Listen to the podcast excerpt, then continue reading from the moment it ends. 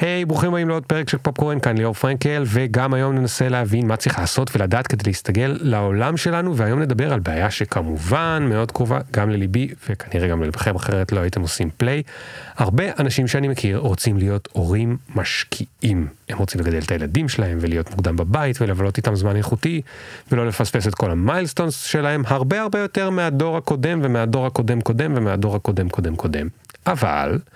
איכשהו יצא שגם האנשים האלה שאני מכיר הם קרייריסטים רציניים, הם סטארט-אפיסטים, או הייטקיסטיות, או בעלי עסקים, או עצמאיות אמביציוזיות, והשאלה היא, איך עושים את זה בו זמנית? איך עושים את זה בלי לריב בבית, בלי להתחשבן, בלי שהילדים ירגישו, אולי זה בסדר שירגישו, והשאלה היותר מעניין היא, האם אפשר בכלל לעשות את זה, או שכל האיזון בית עבודה הזה הוא בולשיט שמנסים למכור לנו מכל מיני סיבות.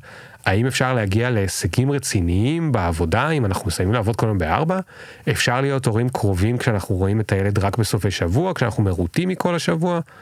הנושא הזה עלה הרבה יותר לסדר היום לשמחתי בתקופת הקורונה כי היינו תקועים uh, הרבה בבית וגם uh, היו הרבה אבות שגילו שנחמד להיות הורה uh, הבינו שזה מה שהם רוצים לעשות להיות הרבה יותר בבית וכולי וכולי אתם יודעים על מה אני מדבר בשביל לענות על השאלות הקשות האלה הבאתי לפה היום מישהי שמומחית בדיוק בזה. לפני שהיא התעסקה בכל הנושאים האלה, מור שמיר הספיקה להיות בוגרת הטכניון ולעבוד בהייטק כמתכנתת, מנהלת פרויקטים, מנהלת מוצר וסטארט-אפיסטים, והיא גם אימא לארבעה. ולכן אנחנו מעידים שהבאנו לפה מישהי שיודעת על מה היא מדברת גם מכאבים אה, אישיים, ואם לא אנחנו נוציא את זה ממנה. היא מכירה את הבעיה על עצמה לפני הכל. היום מור נחשבת מומחית בשילוב הורות, זוגיות וקריירה, ולכן הבאנו אותה לפה, והיא מנחת הורים ויועצת זוגית לאנשי הייטק, היא עובדת גם בקליניקה שלה, היא הגיעה מעולמות הניהול בארגונים הרבה מאוד שנים, עבדה עם ארגונים מאוד רציניים, אפל וגוגל וכולי וכולי, היא מעבירה סדנאות והרצאות, מתארחת בטלוויזיה וברדיו ובנושאים האלה, ואנחנו נראה, אנחנו לא יודעים, שם שאלו אותה את השאלות הקשות שאנחנו נשאל אותם היום. מור טוענת שאפשר להיות גם מורה וגם קרייריסט, או יותר נכון גם הורה וגם קרייריסטית, גם וגם.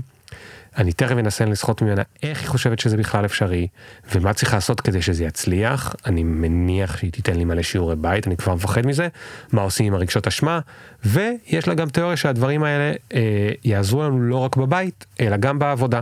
אז ננסה להבין מה היא טוענת. ניתן למוזיקה את המקום שלה רגע לפני שאני אערער על האפשרות שבכלל אפשר להיות גם מורה מוצלח וגם קרייריסט מוצלח. ונתחיל בעוד שנייה.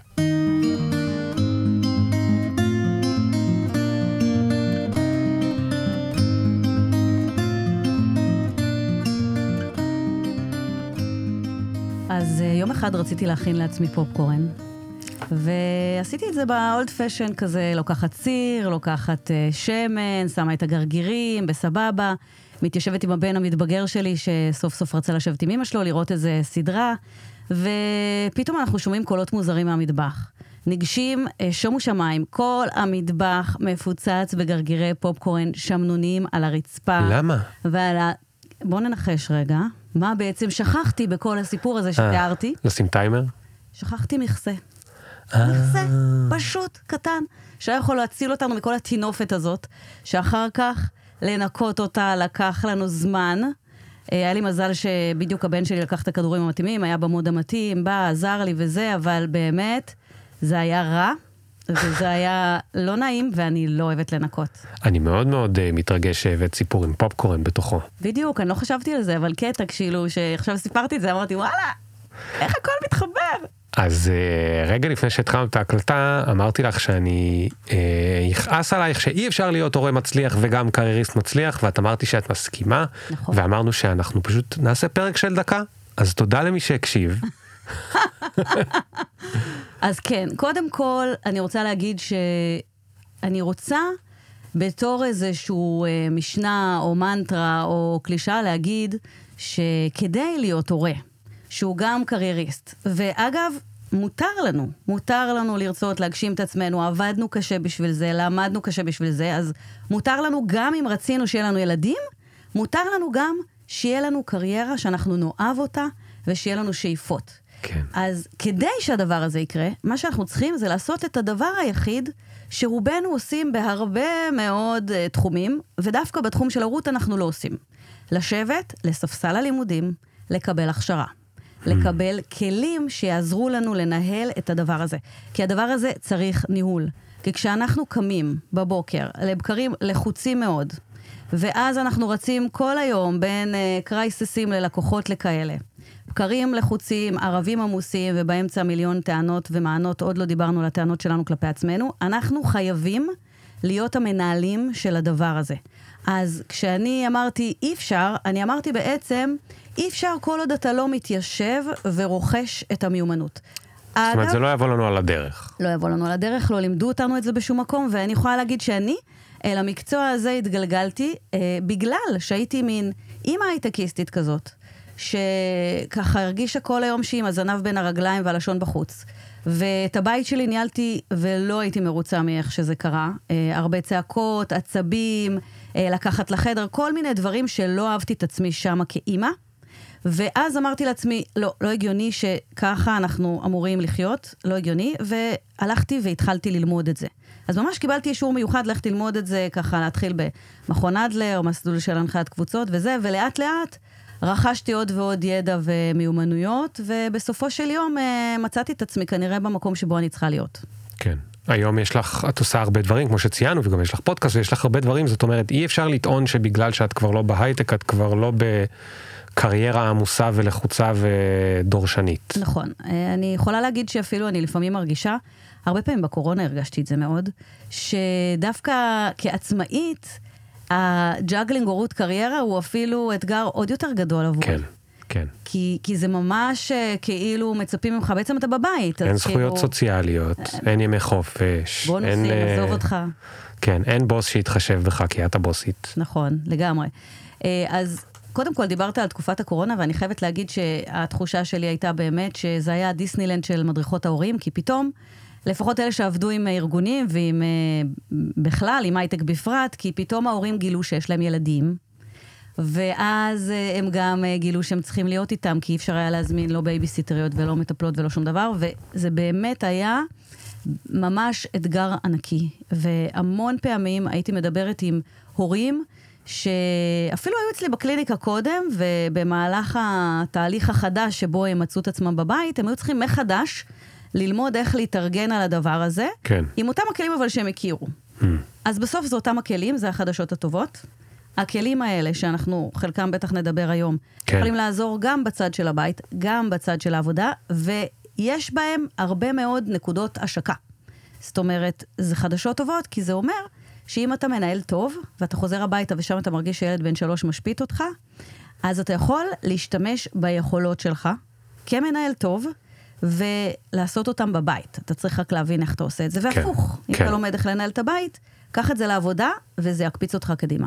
אז יאללה, בואי, בואי נתחיל, ברשותך, בואי נתחיל ממקום שהוא דווקא רגשי. מהמקום של אה, רגשות האשם. כן. אה, אני עכשיו, לא משנה אם עכשיו אני גבר או אישה, בעיקרון זה כן משנה, אבל נגיד שזה לא משנה בעולם אידיאלי. אם אני גבר או אישה והשעה היא שש, ארוחות הערב אה, מתקרבות, הרדמות מתקרבות, אני בעבודה. אה, או אני חמש וחצי בעבודה, אני יודע שאני לא אגיע, או יגיע, וגם כשאני אגיע, עדיין יהיה לי עוד כמה סלקים וסמסים ווואטסאפים וזה בטלפון, ועוד יחפשו אותי למשהו אחר, ובאוטו אני עוד עושה שיחה אחרונה אם אני בפקקים, וככה אני מגיע, גם אם אני מגיע, אני על הקצה של הקצה של הקצה של הקצה, ככה שגם אם אני בארוחת ערב, אני לא באמת שם, אוקיי? וזה בכלל אם הגעתי. ואם לא הגעתי, אז uh, אני פספסתי עוד uh, ארוחת ערב וזה. ולתוך הרגשות אשמה האלה מזדחלת גם האופציה השנייה, היי, רגע, אולי זה יהיה הרגע הכי קשה עם הילדים ביום, כי זה שאין להם כוח להיכנס למקלחת, אולי בעצם אני מרוויח שנשאר בעבודה, אז נשארתי עד שש, אז יאללה, נשאר כבר עד שמונה וסגרנו את הסיפור. יש כזה קטע אצל אדיר מילר, ב- לדעתי זה היה ברמזור, שהוא אומר לבוס שלו, אה, אני חד, אני חד עכשיו, תביא לי משהו, תביא לי משימה, כי הוא לא רוצה לחזור לתינוקת ולצעקות. אז, אה, אז כן, אני רוצה להניח, אה, קודם כל, לפני שאני מסבירה מה כן אפשר לעשות, אני רוצה להניח כמה הנחות יסוד. הנחת יסוד ראשונה שלא אני המצאתי אותה, אגב, לא המצאתי פה כלום, הכל אני מעבירה זרם, אני פשוט למדתי הרבה שנים, יכולתי כבר להיות דוקטור כנראה מכמות הלימודים, אבל בסוף אין דוקטורט בתחום שלי. אז אני רוצה להניח הנחת יסוד ראשונה, תפוקה שולית פוחתת, שיעור ראשון בכלכלה. זאת אומרת, אחד הדברים שאני רוצה להגיד לאנשים שמרגישים שהם צריכים כל יום להישאר בעבודה עד שמונה בערב, לא. אם אתם תישארו כל יום עד שמונה בערב, ואתם תחזרו הביתה, ואתם תחשבו שאתם יכולים להגיד לילד שלכם, יאללה, רוץ למקלחת, סיפור ולמיטה, ובשמונה וחצי הוא יהיה במיטה ויגיד לכם, וואו, אבא, תודה שסיפרת לי סיפור אחרי כל היום הקשה שעברת, אז זה לא יקרה. אז, אה, אז זה גם נורא נורא תלוי אה, באמת איזה, כמה אתה רוצה להיות נוכח, אה, מה אתה מוכן לשים שם כתחליפים, כי יכול להיות שאתה תהיה אימא מאוד קרייריסטית, שאני זוכרת שאחת המנהלות שאני מאוד מאוד אהבתי כשהייתי עוד בהייטק, אמרה לי, אני אימא של שבת. אבל הבעל שלה היה בעל כזה שאוהב לבשל ושנמצא יותר בבית. ואז זה בסדר, זה בסדר כי יש איזון, כי יש מישהו שאתה יודע וסומך עליו, שהוא נמצא עם הילדים שלך ושהוא מעביר את המסרים שאתה היית רוצה שיועברו. כי בסוף ילד לא יקום יום אחד בגיל 25 עצמאי, אם כל החיים אתה עשית לו, סרחת לו שרוכים. אז אתה צריך במהלך הדרך להעביר מסרים.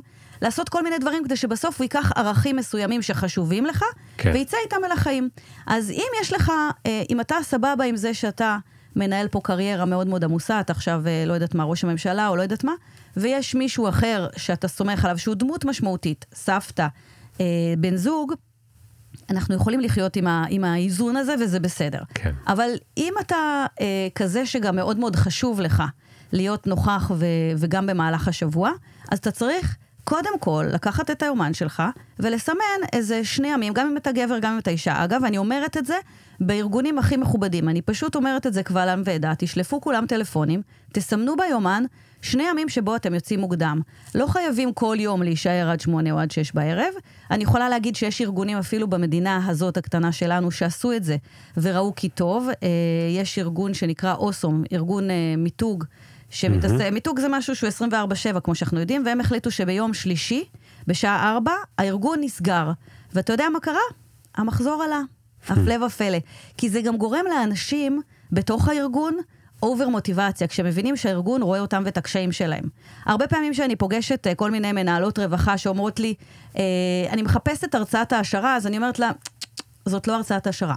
ברגע שאני מדברת על משהו שהוא הכאב הבסיסי של העובדים שלכם, ואת מביאה אותי, אז את אומרת להם, אתם חשובים לי, אני כן. רואה אתכם, זה לא הרצאת העשרה, זה משהו שבא לפתור להם כאבים כאלה חזקים, שאחרי זה, את כל המוטיבציה שיש להם, הם ירצו לשפוך בתוך הארגון. זאת אומרת, זה ממש משנה תרבויות ארגוניות, וממתג אה, ארגונים היום למקום הכי עליון שהם יכולים להגיע אליו, שזה לראות בארגון בית שני. והיום לא כולם רואים בארגון שהם עובדים בהם בית שני. כן.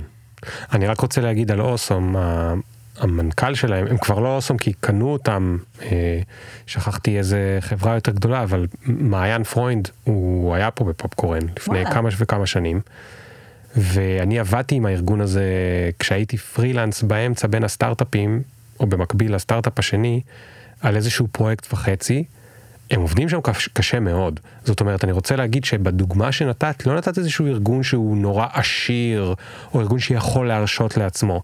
זו הייתה סוכנות, עד שקנו אותם, קנו אותם כי הם מצוינים, אבל סוכנות מיתוג לא גדולה, כמה עשרות עובדים בסך הכל, עובדים קשה, עם לקוחות תובעניים, אה, זה גם עולם הפרסום, אז זאת אומרת, זה, מחפשים אותך מסביב לשעון וזה, ואם בארגון כזה, המנכ"ל יכול לבוא ולהחליט דבר כזה, אז בטח גם בארגונים שיש להם נקרא לזה יותר באפרים ויותר uh, שיהיה מישהו שיחסה על מישהו וזה אפשר לעשות את זה. זה עניין של החלטה. אני מסכימה, אני גם יכולה להגיד לך שכשהייתי בהייטק שוב, מנהל ה-LOB שלנו, שזה כאילו כמו חברה קטנה, כמו סטארט-אפ בתוך uh, חברה גדולה, היה לו מסומן ביומן אה, את השני ימים שהוא יוצא מוקדם, אני פגשתי אותו לא מזמן ואמרתי לו, אני זוכרת, אז הוא אומר, רגע, רגע, הנה אשתי, תגידי לה, היא לא זוכרת את הדבר הזה.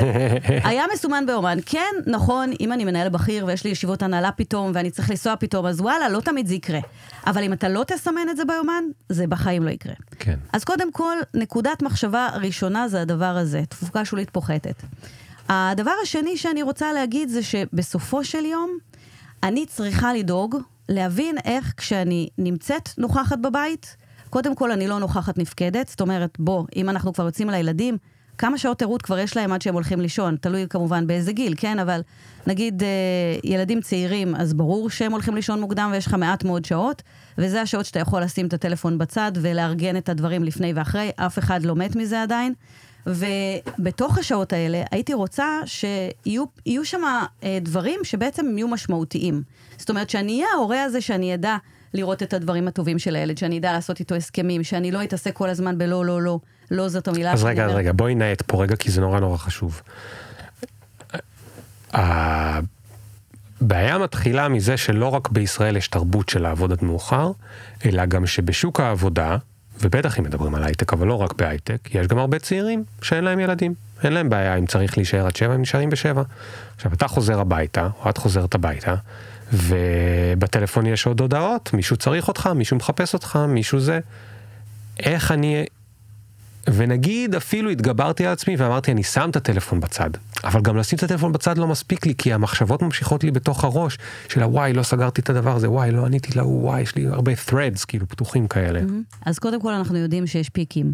וכשיש פיקים אז וואלה אתה בא לילדים שלך ואתה אומר להם חבר'ה השבוע הולך להיות שבוע מאוד מאוד עמוס.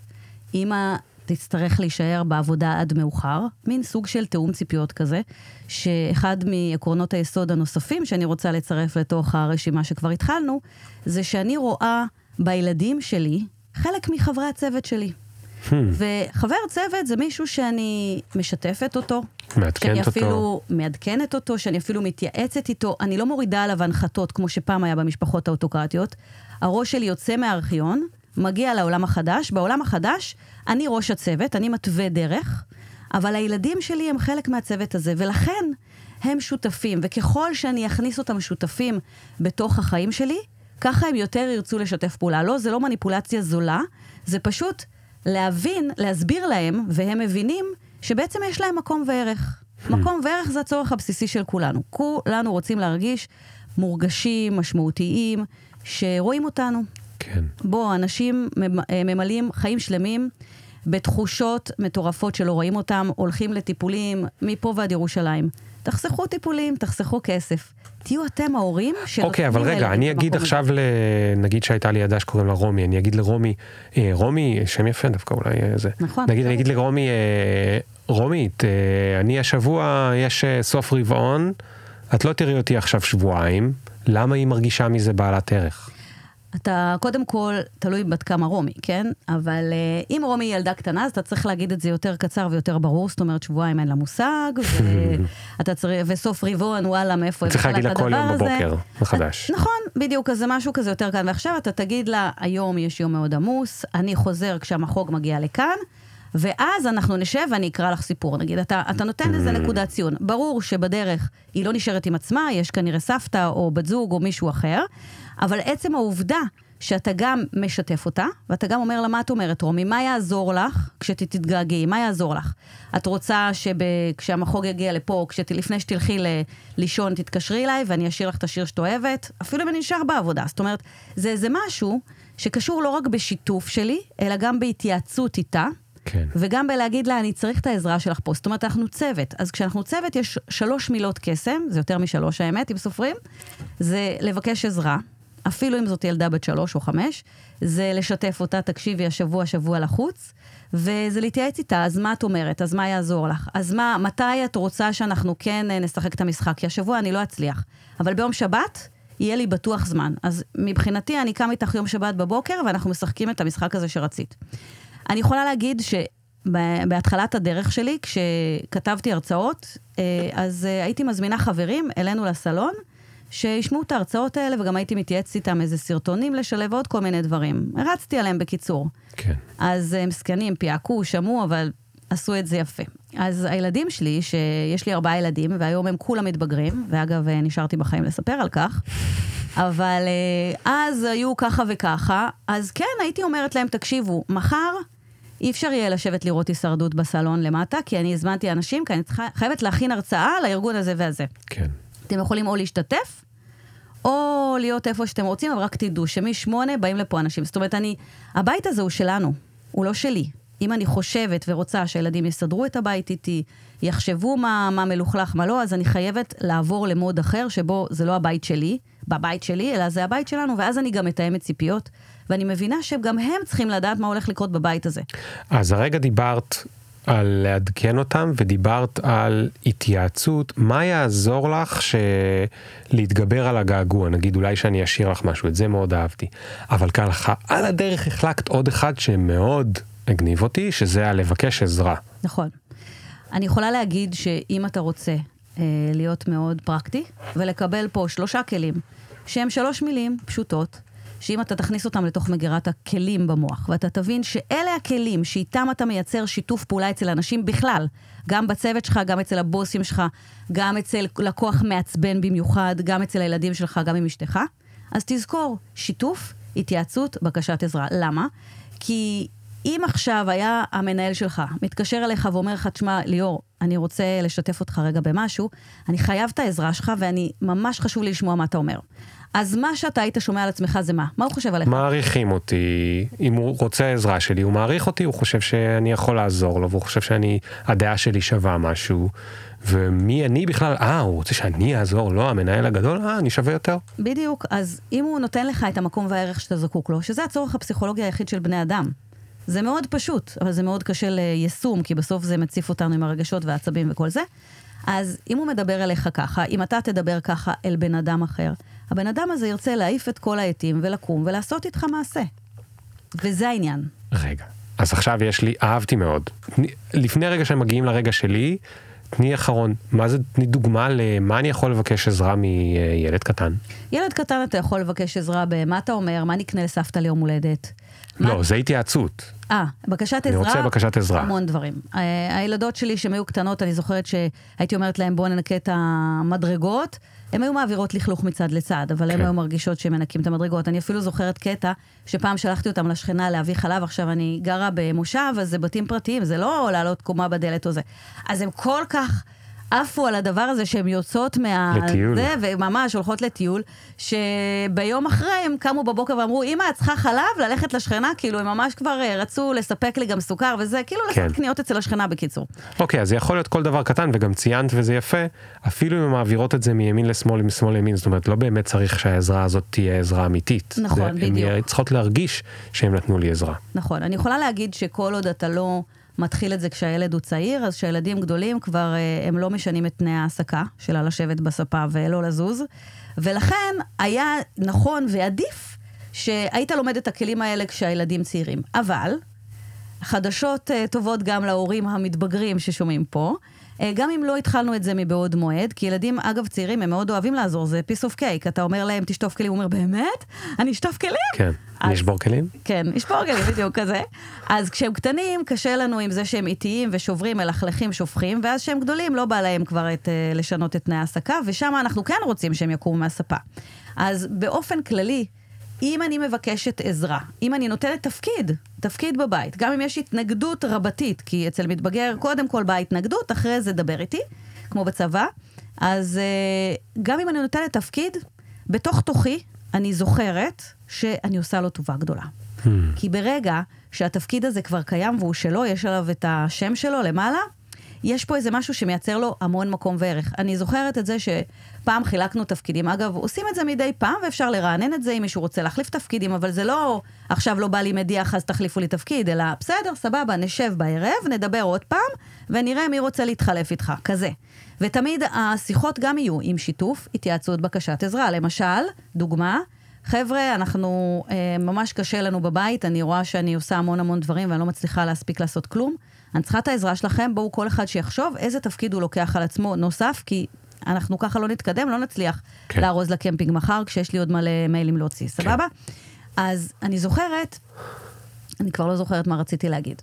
לא חשוב, אז אני אגיד בינתיים שאני כל הזמן שומע אותך ואני כאילו זז בין מה שאני מכיר בבית למה שאני מכיר בעבודה בתור אה, מנהל, כי, כי ככה גם אפשר לגרום לחברי צוות להיות uh, יותר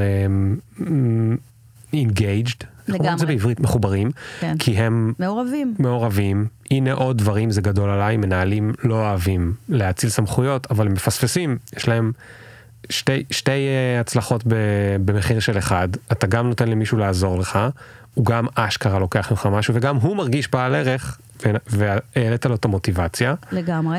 אבל, אבל עכשיו נזכרתי באבל שלי, שלא סיימתי אותו. אוקיי, okay, ואני נזכרתי במה שרציתי להגיד, אז אחרי זה אני אגיד. אז, אז האבל שלי הוא כזה, וזה נכון שוב, גם בעבודה כמנהל, בטח של בני דור ה-Y וה-Z.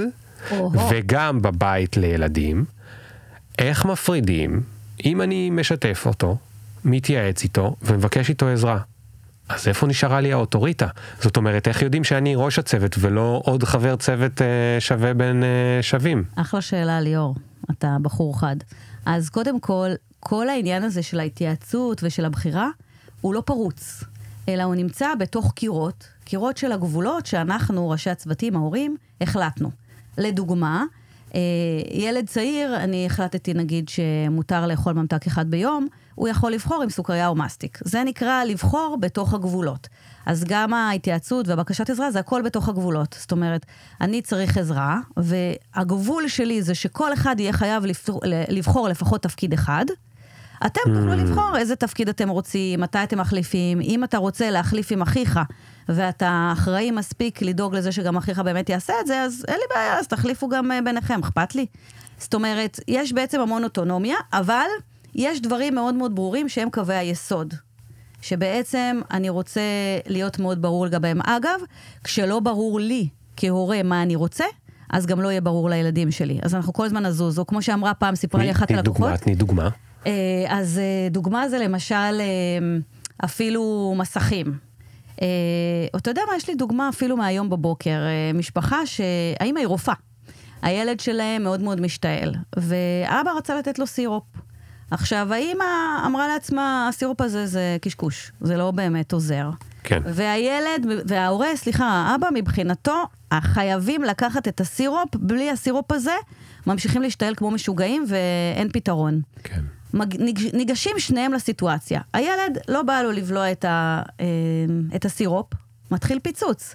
כי האימא רואה אותו קצת בוכה, אז היא אומרת לו, טוב, בסדר, אז עוד חצי שעה, אז עוד שעה. האבא מתחיל להתעצבן של, מה נסגר איתך? את, כל, את רואה אותו בוכה, אז ישר את אה, נמסה, ישר את אה, מתחילה לשנות את הדעות. יש פה איזה עניין עם חוסר בהירות, כי היו פה שני אנשים, שכל אחד חשב משהו אחר, ובסוף הילד אה, יודע לזהות את החוליה החלשה. כן. אז אנחנו נתעסק במה לא, אם לא נחליט על המה כן. כדאי מאוד להחליט על מה כן, כמה דברים ברורים.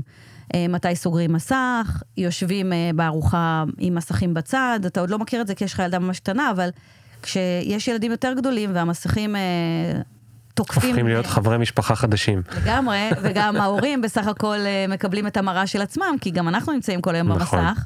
נכון. אז uh, אני חייב למצוא כמה נקודות ברורות, למשל לגבי מסכים, שאוכלים בלי מסך, שסוגרים בשעה מסוימת ואז אפשר לדבר, שפותחים בשעה מסוימת, תלוי בגיל הילד, לפעמים אנחנו אז, מפעילים זמן. אז, אז זה מקשר אותי גם לעניין הבא. עכשיו אני אימא קרייריסטית, אני חזרתי הביתה נגיד בשבע וחצי, והספקתי, יש לי הורים, אה, ילדים מתבגרים, הספקתי לשבת איתם לזה. אני אומרת להם, בשום פנים ואופן, לא מסך, אבל קיבלתי טלפון מסמנכ"ל הכספים, אני אעשה את זה יותר קשה, מסמנכ"לית הכספים, שהיא מעצבנת והיא ההורים שלה כבר, הילדים שלה כבר בצבא, אז מה אכפת לה? היא יכולה לעבוד עד מתי שהיא רוצה, או שהיא בכל אופן קרייריסטית ומעולם לא ראתה אותם. והיא מתקשרת אליי עכשיו, לא יכולה לה- לא לענות, זה הסמנכ"לית, פתאום אני כן צריכה לענות בטלפון או יותר גרוע, בהודעות. אני נראית בדיוק כמוהם, הילדים נכון. שלי מסתכלים עליי, ואני עכשיו, מה אני אעשה, אבל אני אמרתי להם לא יודע, אני חייבת לענות, אבל מה, מה, קשה. אז קודם כל אני אגיד שיש כל מיני דברים שהורים מותר להם וילדים לא, למשל אלכוהול, למשל סיגריות, אתה יודע. אז יש דברים מסוימים שהם ברורים. אם זה טלפון שקשור בעבודה, או משהו שקשור בעבודה שלי, אז די ברור שאני לא משחקת עכשיו. אני יכולה אבל, בשביל שזה גם יהיה ברור לכל הקהל, להגיד, חבר'ה, אנחנו היום עושים ערב ללא מסכים. אני רק אגיד שאני צריכה לקבל איזה טלפון מהסמנכ"לית, או אם הסמנכ"לית שלי מתקשרת, כי אני יודעת שהיא לחוצה, שתדעו שלדבר הזה אני אצטרך לענות. ואז אני כן. מסייגת את השאר. עדיף שכללים, המה כן הזה שדיברתי, כן יהיו כאלה שכוללים את כל האנשים. אנחנו לא יכולים להגיד לילדים אוכלים רק במטבח, ואני אוכלת בסלון. כן. אגב, שמת לב שאמרתי אוכלים במטבח, לא אמרתי לא אוכלים בסלון, כי אני מדברת מה כן, ולא מה לא. אני רוצה להסביר בעצם את הציפייה שלי, את מה צריך שיקרה. Hmm. אז המה כן הזה, זה צריך להיות כמה דברים ברורים. רגע, רגע, תהיתי רגע שנייה על העניין הזה של מה כן ומה לא, כי את, את כבר שלוש פעמים מזכירה את זה, ואני מרגיש שאני מפספס את הנקודה. אוקיי. למה מה לא בעייתי? המה לא בעייתי מכמה סיבות. סיבה ראשונה, ילדים קטנים, הם לא שומעים את הלא. הם לא, הם לא בעצם מבינים את המשמעות של הלא, אז בעצם הם מקבלים מין רשימת מכולת של כל מיני דברים לעשות אותם. ובכלל, גם כשאתה לא ילד קטן, אם אתה אומר לילד שלי, לילד שלך, סליחה, אה, אני מצפה שאתה לא תפתח את המסך ולא תעשה את זה ואת זה, מה שאתה אומר לו זה בעצם, אני לא סומך עליך. אני בעצם יודע שזה מה שאתה הולך לעשות, ואם שכחת ולא התכוונת לעשות את זה, אז כדאי לך שתזכור את זה. אמרה לי פעם איזה אימא אחת, אני לא מבינה, תיאום ציפיות לא עובד. אמרתי לה, מה לא עובד? היא אומרת לי, אני יורדת למטה עם הילד שלי, ואני אומרת לו שאנחנו עולים למעלה, שאני אומרת לך, עולים למעלה, אתה לא מתחיל לצעוק, אתה לא מתחיל לזרוק צעצועים. אמרתי לה, מצוין. אז אם הוא שכח, הזכרת לו. עכשיו הוא יודע בדיוק מה הוא צריך לעשות כדי לקבל את המחיאות כפיים הסוערות למופע שהוא רוצה לעשות. לזרוק צעצועים ולבכות. בדיוק. אז, אז בעצם, אחד, יש כאלה שלא יודעים להפריד ולא מבינים את הלא הזה בגיל מסוים. שתיים, אנחנו לא רוצים להגיד לילד שלי, אני לא מאמין בך, אני מצפה שאתה הולך רק לעשות את הדברים הרעים.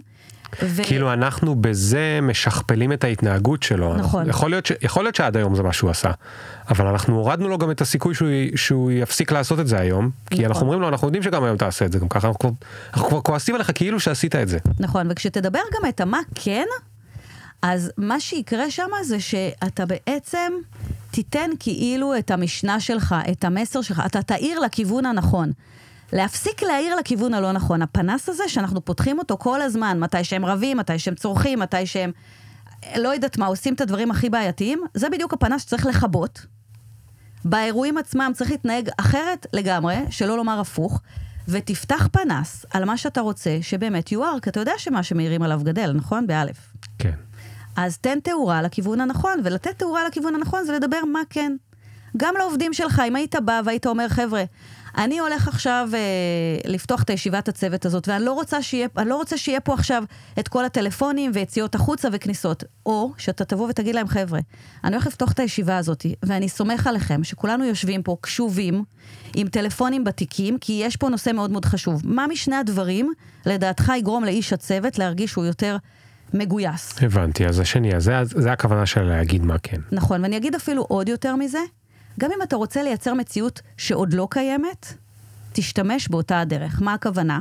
אני יכולה לפתוח סדנה, מפגש שני, ולהגיד לאנשים בקבוצה, תקשיבו, היה מפגש מאוד מרגש פעם שעברה. שמעתי פה אנשים כנים, הייתה פה הקשבה, הייתה פה השתתפות. עכשיו, גם אם חצי מהדברים שאני מספרת לא היה, ברגע שאני מספרת שזה היה, זה יהיה.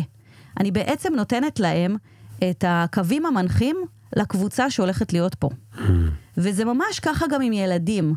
אה, יש, היום הבת שלי יצאה לאיזשהו טיול, טיול שהוא כזה חצי טיול, הוא מין פרויקט כזה, שהוא פרויקט לזכר מישהו, ובעצם עובדים גם, אה, מסמנים שבילים, עושים הרבה דברים, קשה בקיצור. ומשם אנחנו לוקחים אותה ישירות גם לקמפינג, כאילו, קשוח של החיים. היא לא ידעה מאיפה זה בא לה, כי היא לא עשתה את האחד ועוד אחד. אז כשהיא יצאה בבוקר, אמרתי לה, אני זוכרת שאת הילדה הכי זורמת שיש. תיקחי את זה הכי בקלילות, תעופי על כל מה שיש שם, מה שלא יהיה, את נהנית. עכשיו, זה לא באמת מעניין אם היא הילדה הכי הזורמת או לא הכי זורמת. זה לא באמת מעניין אה, אם היא קלילה או לא קלילה. היא עכשיו קיבלה בוסט כזה כן. של כיוון. זאת אומרת, אמרת לה, ככה אני תופסת אותך, ו... ו... וזה החיזוק החיובי. נכון. עכשיו, כשאמרת, וזה שוב נורא מצחיק שזה נכון גם לעובדים בעבודה וגם לילדים, אמרת, אני אשתף אותם וזה יעזור, אוקיי? עכשיו, הרבה פעמים אני מנסה לעשות את זה עם הבת שלי, אבל אז אני פתאום נדלקת לי נורה, רגע, אולי אתה אובר משתף. מה היא צריכה, המסכנה הקטנה הזאת, לדעת שהיום או מחר יהיה לך נורא נורא, יהיה לך משהו נורא נורא קשה ונורא מלחיץ, מה היא צריכה על הכתפיים הקטנות שלה, את כל האמפתיה הזאת, עכשיו היא גם בת, כן, סליחה מהבנים שמקשיבים, אבל בנות הן יותר אה, אה, רגשניות. אינטליגנטיות, לפחות אה. בגילאים הצעירים, לא יודע מתי זה מפסיק, אבל לא מפסיק. בגילאים הצעירים זה, בוא, זה לא ודאי, אני, ככל שהיא תגדל אני אאמין שזה לא מפסיק. היא מבינה, היא אמפתית, היא מקשיבה לי כאילו וזה, ואז אני יכול לחזור והיא תגיד לי איזה משהו שאני בא לי לבכות, כאילו מה היא הייתה צריכה בכלל שאני אספר לה את כל הדבר הזה, והיא, והיא כאילו ריחמה עליי, מה, מה היא צריכה שתרחם עליי, שתשחק בכדור, שתשחק ב- ב- בדברים, מה היא צריכה? בת כמה היא הבת שלך? ארבע וחצי. וואו, חמודה, ראיתי אותה בתמונה, יפהפייה מהממת. אז קודם כל, ארבע וחצי אה, זה גיל כבר מאוד בוגר, שהיא מבינה הרבה דברים. וזה שבכלל אתה עושה את זה ככה על הדרך, מתוך ה-DNA שלך, זה כבר ממש מרגש. שתדע, אני באמת אה, רוצה להגיד לך שאפו גדול. אני רוצה אה, שהשיתוף יהיה שיתוף בהתאם לגיל הילד. אני לא אבוא לילד ויגיד לו, אבא עכשיו ממש ממש עצוב ממה שקרה, אני הולך לקפוץ מעזריאלי. אלא אני אגיד משהו יותר רך. אני אגיד דברים שהוא יותר אה, בגובה העיניים בהתאם לגיל הילד. גם כשילדים יותר גדולים, יש נושאים שהם טאבו, שאני לא אדבר עליהם. אני לא אדבר על היחסים אה, ביני לבין בעלי, בטח שלא על מה שאנחנו עושים שם בחדר. זאת אומרת, יש המון דברים מסוימים, או יש לנו דאגות כלכליות, אני לא אפיל את הכל על הכתפיים שלהם. השיתוף, הוא צריך להיות מידתי, בהתאם לגיל הילד, בהיגיון אה, בריא, כדי שיהיה פה את המצב שהם אה, משתתפים והם חושבים ביחד ומרגישים חלק מהצוות. כן. יש הרבה מילים שהרבה פעמים כשאני יושבת עם אנשים בקליניקה, אני אומרת להם את המילים האלה, שבוע, השבוע הזה אנחנו לא אומרים את המילים האלה. אנחנו פשוט מוציאים אותם מהלקסיקון, ובשבוע הבא ניפגש ונדבר. לפעמים אני לא מגלה להם שאני לא הולכת להחזיר אותם לעולם. ולמשל, מילים כמו אכזבה, התאכזבתי, יש מילים שהן מאוד מאוד כבדות, שיש להן משמעות מאוד כבדה. להגיד לילד, אני מאוד מאוכזבת ממך, זה להגיד לו, כלו כל הקיצים, זהו, אתה מעכשיו איקס גדול עליך. Hmm. וזה משהו שהוא לא מחזק. אני, התפקיד שלי כהורה, ואגב, גם כמנהל וגם כעובד, התפקיד שלי זה לבנות על חוזקות. ואם אני רוצה לבנות על חוזקות, אני צריכה לדבר את החוזקות האלה, במקום להוריד ולהחליש. השיתוף הזה, למשל, של האנשים, אני יכולה להגיד לך שכמנהלת מטריציונית הרבה שנים, שלמי שלא יודע, מנהל מטריציוני זה מנהל שצריך להזיז אנשים בזמנים שלא נוחים להם, למשימות שלא בא להם לעשות. ובלי הסמכות. ובלי הסמכות. לא יכול לפטר אותם אגב... ולא לקדם אותם. נכון, וזה אותו דבר גם בבית. רגע, מה זאת אומרת? בבית גם אני צריכה להזיז אנשים למשימות שלא בא להם, בזמנים שלא נוחים להם. לא, מתבגרים בטוח. אבל, אבל בבית את יכולה לעשות סנקציות. אני יכולה לעשות סנקציות. לפחות. ו... מנהל מטריציוני ו... גם את זה לא יכול. נכון, אז אם אני עובדת עם סנקציות, זה יחכה לי בפינה. כי אף בן אדם שרוצה להרגיש שיש לו מקום וערך, אני מזכירה לך, זה הצורך הבסיסי היחידי שלנו, הפסיכולוגי, כי יש גם צורך פיזיולוגי, לאכול, לישון, לא על זה אני מדברת. אף בן אדם לא ירצה לחיות את חייו שמישהו אחר מכופף לו את היד או מחליט עליו. אז אם אני חושב שאני יכול לעבוד בסנקציות, הילד יחכה לי בסיבוב, ילד קטן יחכה לי בסיבוב ויראה לי שהוא המנצח ולא אני, בזה שהוא פתאום יהיה לו עצירות, פתאום יהיה לו רגרסיה בגמילה, פתאום הוא יתחיל לגמגם, פתאום הוא יעשה טיקים. יש המון דברים שנפתרים, mm. שקורים בעקבות כיפופי ידיים ונפתרים שמה. אמ, בעבודה גם, אני לא, כמנהלת מטריציונית, לא רציתי להשתמש באסקלציות. הייתי יכולה ללכת למנהלים ולעשות אסקלציות כל יום שני ושלישי. כן. אבל הייתי המנהל מטריציוני הכי פחות מוצלח אם הייתי עובדת ככה. ולכן, כשאתה צריך להקים אנשים בחמש בבוקר, כי אתה עובד עם אמריקאים, ולעלות על שיחת ועידה כי יש איזשהו קרייסס, ובוא, אתה מנהל פרויקט בסוף, אתה לא תכנתת את זה, אתה לא בדקת את זה, אתה לא באמת יודע את הפרטים הטכניים, ואתה צריך לתת אה, כל מיני uh, עניינים טכניים, ואתה אומר להם, תקשיבו, חבר'ה, אני רוצה לשתף אתכם, זה פרויקט ממש חשוב. יש עליו, שפכו עליו תקציבים כאלה וכאלה. הולכים להיכנס לנו עוד כאלה וכאלה לקוחות בעקבות הפרויקט הזה. ויש פה עכשיו בעיה אקוטית. למה היא אקוטית? כי במכשירים שאני עבדתי ב-SMS, פעם לא היה וואטסאפ, זה היה SMS, זה היה מזמן ממש עתיק. אז במכשירים אה, יראו את זה ככה וככה, וזה יהרוג להם את ה... לא יודעת, את האפליקציה. אז האנשים האלה קמו בחמש בבוקר עם כל הרצון, כי הם הרגישו חלק מהדבר הזה. כן. והם באו לעשות עבודה. לא כן. לא הייתי צריכה לתפוס אותם באוזן, ובטח לא אסקלציה. אוקיי. אני חוזר עכשיו למקום הזה של ה... נקרא לו איזון בית עבודה. אוקיי? אני רגע סגרנו את כל הסוגריים שפתחנו בדרך, פתחנו הרבה, סגרנו הרבה, ועכשיו אני חוזר עוד פעם למקום של, ה... של הקריירה. למקום של הקריירה. אז רגשות אשמה בערב דיברנו. מה עם הבוקר? בואי נדבר קצת על הבוקר. הרבה פעמים בבוקר, שוב, תלוי איזה בן אדם אתה, אבל לפחות חצי מהמאזינים, בבוקר זה ה... אתה קם עם הישיבה שלא בא לך לעשות, להשתתף בה היום ואתה צריך להשתתף בה, או איזה מצגת שאת צריכה להציג ואת קצת מפחדת, או את לא רגילה להיות מול קהל אז את אה, לא יודעת איך זה יהיה לך, או יש לך איזה, המנהלת ביקשה לפגוש אותך ויש לך קונפליקט ואת יודעת שזה יקרה עם זה, ובבוקר כל המחשבות האלה וכל המחשבות האלה וכל המחשבות האלה, ובו זמנית צריך להכין וסנדוויצ'ים ודברים וזה, ולא משנה אם את עושה את זה לבד או עם הבעל או עם הסבא. סבתא או עם אה, זה, יש מלא דברים אה, זה, אבל גם אז, הרבה פעמים, ההרגשה היא, אני לא בטוח שאני שם במאה אחוז, כאילו, אני עוד ב... הבת שלי קוראת לי אבא מבולבל, אני צוחק איתה על זה שאני מבולבל, כי אני אומר לה הרבה פעמים, אני, אני, אנחנו עולים למעלה כדי לקחת את המפתחות ויורדים למטה, ואז עולים למעלה, לקחת את הקסדה שלה ויורדים למטה, ואני אומר לה, אני, אני מתנצל, הראש שלי, אמא אומרת הראש שלך לא פה, הראש שלי הוא כבר בפגישה שיש לי. איך, מה, מה לעשות עם זה? קודם כל, איזה אבא תותח אתה שאתה יודע להתנצל ושאתה יודע להסביר לה את הדבר הזה. כי זה בדיוק מה שצריך לעשות. עכשיו, אבא מבולבל יכול להיות מהמון סיבות, זה יכול להיות גם מקשב וריכוז, אני היום שרף, הצלחתי לשרוף היום פסטה. באמת, כאילו, מי, מי שורף פסטה? יש משהו יותר גרוע. איך אפשר? כאילו, התאדו כל המים ואז הם נשארו? לא יודעת, אני ישבתי ועשיתי כל מיני דברים, תוך כדי זה שעשיתי פסטה לזאת שיצאה לטיול הזה שסיפרתי לך, ופתאום אני מריחה ריח שרוף, קלטתי. קלטתי שזה היה גדול. באמת על... כן. גדול. וזה עוד אחרי שהחלפנו לקיריים חשמליים עם טיימר, כדי שאני אפסיק לשרוף אוכל, אבל קשב וריכוז אה, לפעמים אה, תוקפני. אז, אה, אז אחד, אנחנו לא נהיה מאה. אנחנו לא צריכים להיות מאה. זה בסדר שאנחנו לא מאה. גם אם אני לא מאה ואני מבולבל, ועליתי וירדתי ואמרתי לילדה שלי, אני מתנצל, אני באמת, הראש שלי טרוד מאוד במשהו אחר, מה היא לומדת פה? מסר ממש נהדר. היא לומדת פה אנשים לא מושלמים, אנשים יודעים לבקש סליחה. גם אבא הוא לא מושלם. כשיש לי, אגב, הורים שמגיעים אליי שהם מאוד מאוד מושלמים כאלה, ויש כאלה שמאוד גם מחפשים את הפרפקציוניזם הזה, אני אומרת להם, קודם כל אתם מכניסים הביתה את פינת הפדיחה. אני רוצה שבארוחת הערב הבאה אתם תתחילו לספר על פדיחות שקרו לכם, תצחקו על זה, תגידו מה למדנו מזה, תתעסקו בזה, תעשו את הדברים האלה. אז זה שאתה עשית את זה וזה קורה לך, לא קרה עם הדבר הזה שום דבר. רגשות אשם זה המקום שבו אני, אני מרגיש אשם על משהו שקרה, כי אני מרגיש שהייתי שם לא הבן אדם שאני רוצה להיות. אז הרגשות אשם יגיעו כשאני אאבד את זה, כשאני אה, אצעק, כשאני אאבד שליטה. ולא דווקא כשאני באה ואני מתנצל על משהו, או כשאני מבין שאני מבולבל ואני מסביר את זה לילד שלי.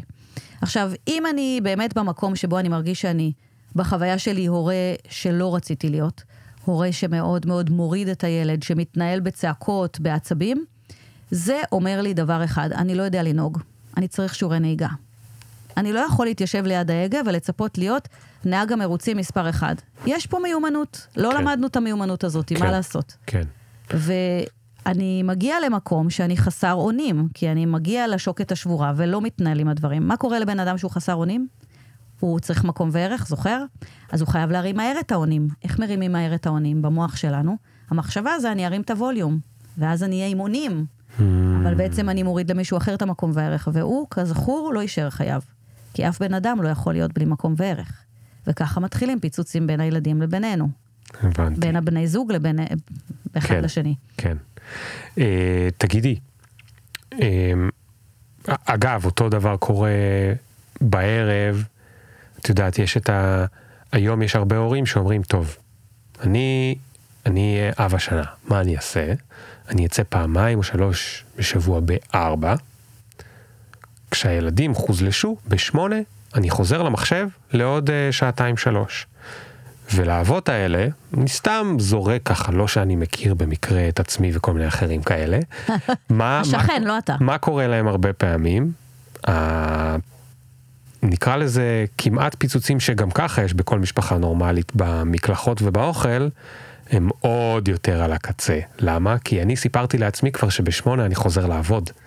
אז אם ב-7.42 היא כבר לא מקולחת, מסורקת, אה, זה, ונכנסה למיטה לקראת הסיפור שאני אמור בשיא הרכות והנעימות לספר לה אותו, כאילו שהמוח שלי לא קופץ למה אני אמור לעשות בשמונה, אני כבר נהיה ממש עצבני. זאת אומרת, אחת הבעיות הכי גדולות היא שהעבודה כבר לא, אין, אין לה באמת סוף, הרי המחשב תמיד יכול להיפתח בבית, המסך של הטלפון, תמיד יכול להמשיך. לעבוד או ללמוד או להכין או להתכונן או ל- ל- ל- לתקן איזה משהו קטן או לחזור להוא שעוד לא חזר אליי. נכון. אז uh, כאן מגיע באמת המקום הזה שדיברנו עליו קודם, כמה זה קשה. כמה זה היה קשה בקורונה וכמה uh, זה אולי קשה אפילו יותר לעצמאים שאחראים על עצמם.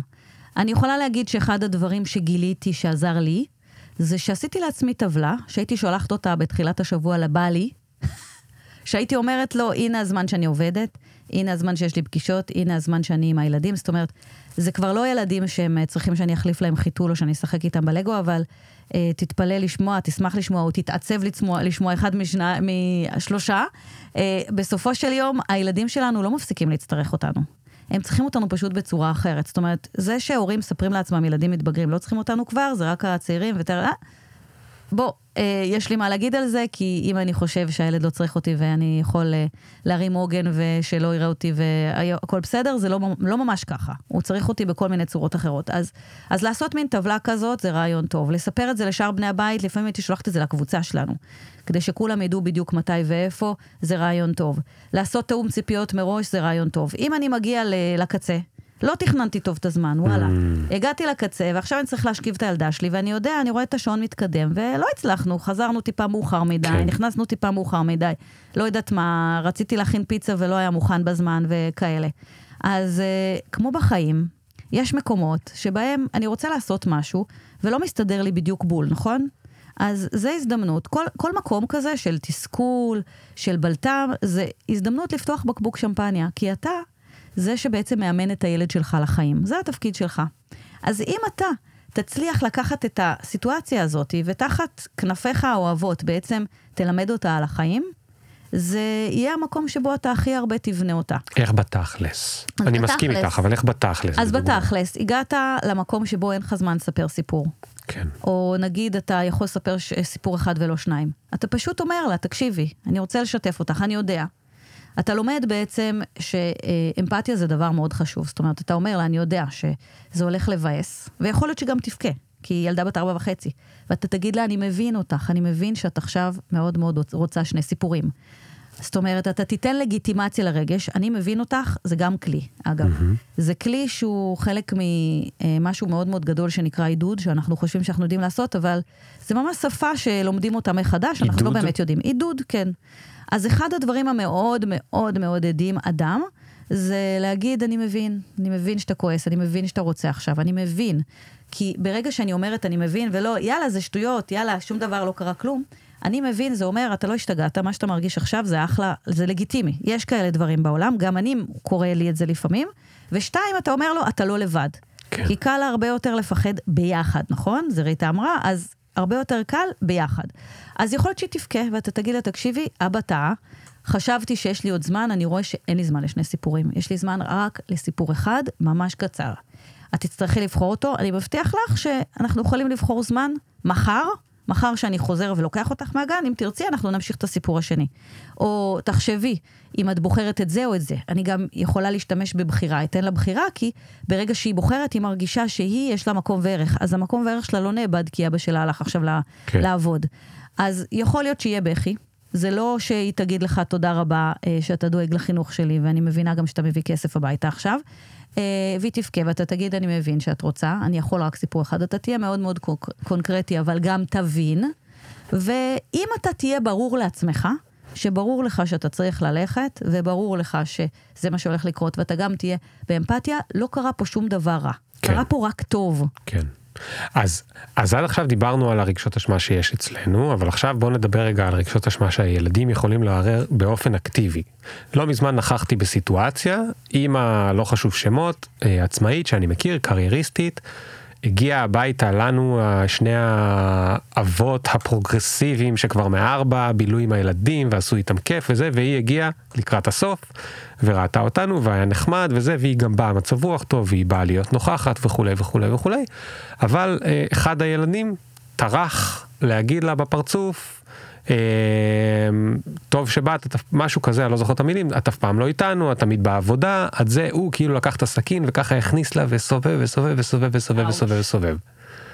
האם המסקנה שלה אמורה להיות, טוב, ממחר אני חוזרת כל יום בארבע ואני מוותרת על הקריירה שלי כי הילד שבר לי את הלב. מה אתה חושב? אני, אני מניח שלא, אבל אני גם לא יודע מה האלטרנטיבה. אז קודם כל, עצם העובדה שהילד אמר לה את זה, שני דברים יש לי להגיד לה על זה. אחד, תעשי לעצמך ככה כל הכבוד, כי זה אומר שהילד שלך הבין שהוא יתקבל פה no matter what. לא משנה מה הוא יגיד לך, את תמשיכי לקבל אותו ולאהוב אותו. זה לא שעכשיו את תוציאי אותו מהדלת ותנתקי אותו מהמשפחה. מה, יש פה ילדים איזה... שמתחצפים, את אומרת שזה חיובי? זה לא אותו דבר. הוא okay. לא אוקיי. התחצף, הוא דיבר פה על הכאב שלו. Mm. אם הוא אומר לה מילים לא יפות, סיפ... זה סיפור אחר לגמרי, שאם אתה רוצה אני אתייחס אוקיי, אליו עוד לא, שנייה. לא, לא, לא, לא, הוא- הוא דיבר יפה. הוא דיבר יפה, הוא פשוט דיבר מדם ליבו.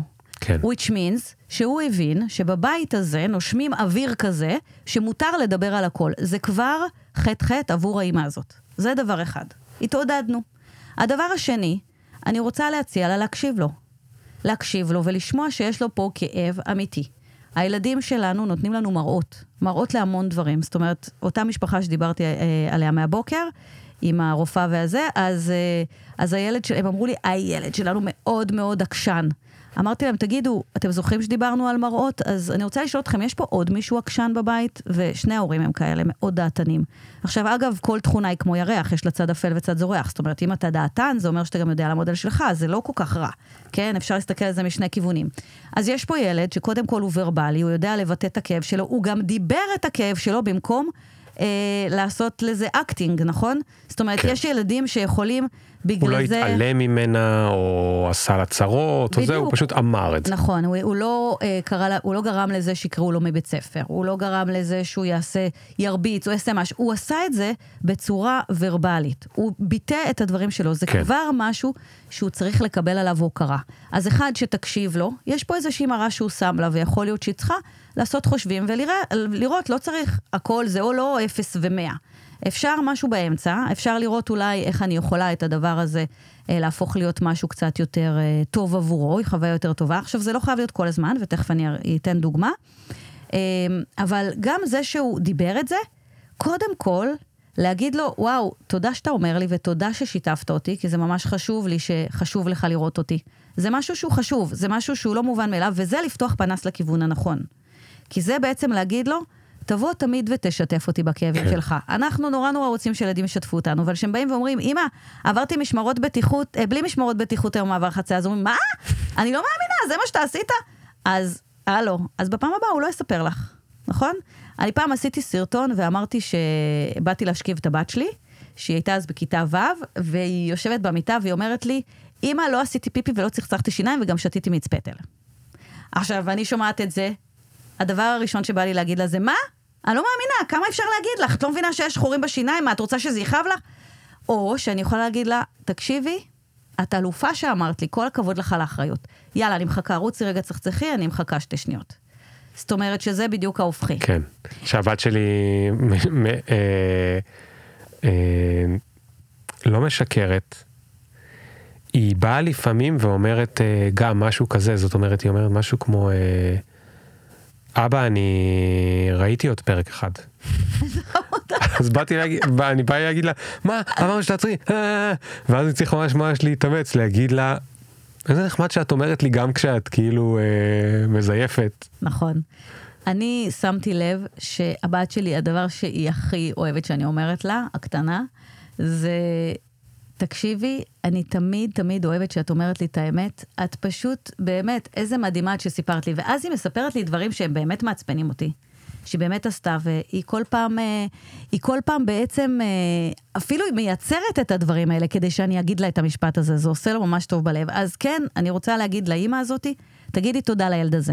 תודה שהוא דיבר את זה, תקבלי את המראה הזאת, תקשיבי לו, תראי מה את עושה עם זה. אני אתן ל- תכף איזשהו משהו מסוים שאת יכולה לעשות עם כן. כל העומס, בלי לוותר על כל הקריירה שלך. ושלוש, זה שהוא בכלל חושב שאפשר פה לדבר על הכל, זה חטא-חטא לך. אז כבר אנחנו מחוזקים. סבבה, אבל עדיין יש סכין בלב, אז תעזרי אז רגע עדיין יש להוציא סכין אותה בלב. קצת. אז, אז כדי שיהיה את המקום הזה שבו נהיה עם קצת פחות ייסורי מצפון כהורים אה, עמוסים, אני מציעה לנו לעשות את מה שאנחנו עושים עם חבר טוב שלא יצא לנו להיפגש איתו הרבה זמן. נכון, אנחנו יכולים להרים אליו טלפון, להגיד, תקשיב, יאללה, פתח יומן, יום חמישי בארבע, מתאים לך? אין, אני, לא אכפת לי, אני יוצא, אני קובע איתך בלנדבר. כלום לא יעזור. כלום לא יעזור. אני שם את הסלוט הזה עכשיו ביומן, שים את הסלוט. כן. אותו דבר עם הילד שלך. אני רוצה להציע שאנחנו אה, ניתן שמיכה, במקום לחכות שימשכו לנו את השמיכה. השמיכה קצרה, כולם מושכים. אז אחד המקומות הכי אה, מהירים לייצר מקום וערך, זה להגיד לילד, תקשיב, אני קובעת איתך, מחר שאני יוצאת בחמש, יש לך זמן? אז אני קובעת ביומן עכשיו, ותחשוב מה אנחנו עושים. זאת אומרת, שני דברים צריכים לקרות שם. אני קובעת את זה מראש, לא חייבים 50 שנה מראש, אפשר מחר בארבע, תלוי בגיל הילד, כן? כן. והדבר השני, אתה בוחר מה עושים. עכשיו, זה לא, הוא הולך עכשיו לחלק כביסה בחדרים כי זה עושה אותי שמחה. זה לא, אני שומעת הורים שאומרים, כן, הצעתי לו לבוא איתי להליכה. אה, אתה רצית לעשות הליכה? אז זה לא הוא בחר. עם כל הכבוד, זה לא חוג הורי ילד. לא, הוא רוצה ללכת לקנות סוכריות ג'לי ולשחק בארקיידס. בדיוק. ואני אומרת, תזרום. אבל אני אזכיר את מה שאמרנו קודם. בחירה היא לא פרוצה. היא בתוך הקירות שאנחנו נתנו. אוקיי. אז אם יש לי יכול להיות ילדה... שסוכריות ג'לי זה אסור. פח, בדיוק. אם יש לי ילדה שאוהבת כל היום לפוצץ בקניון כסף, ואני לא רוצה שכל מקום כזה שאני קובעת איתה, זה יהיה כזה, אז אני אגיד לה, תשמעי, היום בסדר, אבל שבוע הבא שאנחנו קובעות, לא מוציאים כסף. שבוע הבא שאנחנו קובעות, בבית. שבוע הבא שאנחנו קובעות, וואו וואו, זה אני רואה כאילו את העתיד הפרצוף שלי. זה העתיד שלי? יכולה, יכול להיות שהילדה שלי תרצה לפוצץ כסף בקניון, זה כאילו כל מיני דברים שאני לא מדמיין עוד שיכולים לקרות. חבל שלא רואים בפודקאסט את הפרצוף שהיה לך עכשיו. כאילו אתה עוד שנייה התמוטטת פה, זה היה מצחיק. הלבנתי. לא, אז אני רוצה להגיד גם, שברגע שאתה עובד נכון, כל מה שאנחנו דיברנו פה זה, ליאור, זה כאילו על סטרואידים, בסדר? אני אומרת את זה גם בקליניקה, אני אומרת, אל תדאגו, אנחנו עכשיו על סטרואידים. אני נותנת לכם לנסות לעשות כזה דבר, ומחר אני מלמדת אתכם כזה דבר, אבל זה לא יהיה החיים. כן. בחיים עצמם ייווצרו כל מיני הרגלים חדשים, שיהיו מוכרים בבית. אוקיי, אז וזהו. עכשיו, אפרופו שאנחנו בוחרים מחר שהוא בוחר בתוך הגבולות מה לעשות מחר בחמש. יש את הסיפור הזה שמדברים עליו באיזון בית עבודה, שזה כאילו איכות מול כמות. מה דעתך בנושא? אני לא יודעת, אה, יש כאלה שאומרים ש... את יודעת, אני רק כן. אסביר למי שזה, איכות זאת אומרת, אני פוגש את הילדה שלי רק פעם בשבוע לשעה, אבל בשעה הזאת אנחנו עושים דברים נפלאים ומפתחים ומצמחים, ומישהו אחר יגיד, זה לא משנה מה תעשה איתה בשעה הזאת, אתה צריך לפגוש אותה כל יום מ-4 עד אה, הערב, אחרת היא לא תזכור שום דבר. אז זה כאילו האיכות מול כמות. כן, אז קודם כל זה תלוי שוב בגיל של הילד. אה, ילדים צעירים, הם צריכים לראות את ההורים שלהם יותר, ואם הם יראו אותם אה, פעם בשבוע, אה, לשעה, אז אני לא בטוחה שהם אה, ירגישו אליהם איזושהי קרבה, יכול להיות שזה יהיה מבחינתם אורח זר. אה, ילד יותר בוגר, אז אולי הוא כבר עבר איזושהי חוויית חיים מסוימת ויש לו איזה יחסים איתך, אז זה שאתה עכשיו בשבוע עמוס ואתה אומר לו בוא נקבע יום שבת, לא יקרה שום אה, big deal. בסופו של יום, אני בכלל לא נכנסת לניואנסים האלה של כמות ושל איכות, אני לא יודעת גם איך מודדים את הדברים האלה, מה זה אומר כמות, מה זה אומר איכות, מה, מה, מה זה מספיק, למי זה מספיק, יש אנשים שזה מספיק להם, יש אנשים פחות. מה זה איכות? איכות זה כאילו עכשיו לשבת לראות, אה, לקרוא ניטשה בכה? כאילו, מה זה איכות? אז אני אומרת, תעשה את הדברים בצורה שהיא, אחד, תואמת לערכים שלך. תשב, תחשוב רגע, איזה ערכים אתה רוצה שהילדים שלך ייקחו כשהם יצאו מהבית שלך אל החיים. יעד רחוק טווח. נכון, אתה בארגון יושב פעם בחצי שנה, שנה, מייצר יעדים כן. של שנה הבאה. אותו דבר בהורות, רצנו, עשינו ילדים, לא עצרנו באדום. אז לעצור רגע, לחשוב שנייה, מה אנחנו רוצים שיהיה שם? איזה אנשים אנחנו רוצים לגדל? לעשות אפילו רשימת מכולת, שיכולה אגב כל הזמן להתעדכן. ואז כשאני מסתכלת על החיים שלי, על איך אני מנהלת אותם, ואני אומרת לעצמי, זה בסדר, מספיק זמן הייתי איתו, זה היה טוב, אז אני בודקת האם התקרבתי או התרחקתי מהערכים האלה. Hmm. לדוגמה, אם אני רוצה שהילד שלי ידע שיש לו סנטר ושיהיה נאמן לעצמו, סתם ערך שנגיד אני שומעת מאנשים, וכל פעם שהילד שלי אומר משהו אחרת ממה שאני אומרת, אז אני יורדת עליו או מגבילה אותו, עושה לו סנקציות, אז אני לא עובדת בכיוון הזה. אז למה? לא, אני לא אגדל ילד שיודע מה שהוא רוצה. למה? אני אגדל ילד שאני כל הזמן מכופפת לו את היד, הוא יודע מה אני רוצה, לא מה הוא אה, רוצה. אוקיי. אני רוצה שביום-יום שלי, כשאני באה לבחון האם אני אה, בעצם עושה את הדברים כמו שהייתי חולמת שהם יקרו, אני צריכה פשוט לגלות שהדברים שאני עושה מקרבים אותי לערכים האלה. אני רוצה ילד עצמאי, אני מאפשרת לו עצמאות בכל מיני מקומות. Hmm. אה, אגב, המקום הזה שהסבר, שדיברנו קודם על, על הכותרת הזאת שמעל, אה, שיש שם מעל תפקיד מסוים, ואמרתי לך ששכחתי את הדוגמה, אז אני זוכרת שאחד התפקידים שהיה פעם לבן שלי זה היה לעשות סנדוויצ'ים לכל הילדים. ארבעה ילדים, בוקר, לעשות סנדוויצ'ים לבית ספר ולגנים.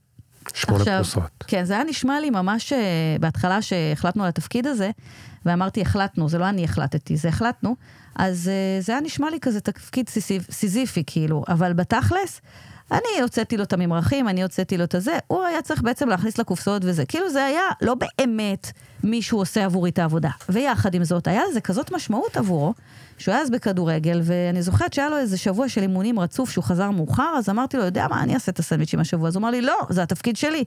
ואז פתאום הבנתי שזה משמעותי עבורו. ואחד הדברים שאנחנו עושים, אני מאוד אוהבת לעשות את זה בחלוקת תעודות, בסוף שנה, לא להגזים, לא to abuse, לילדים זה בעצם לעשות להם תעודות של הילד עם הסנדוויצ'ים שהכי הכי טובים, הילד ש... שמשחק עם האחיות שלו ותמיד זוכר להביא להם את ה... לא יודעת מה.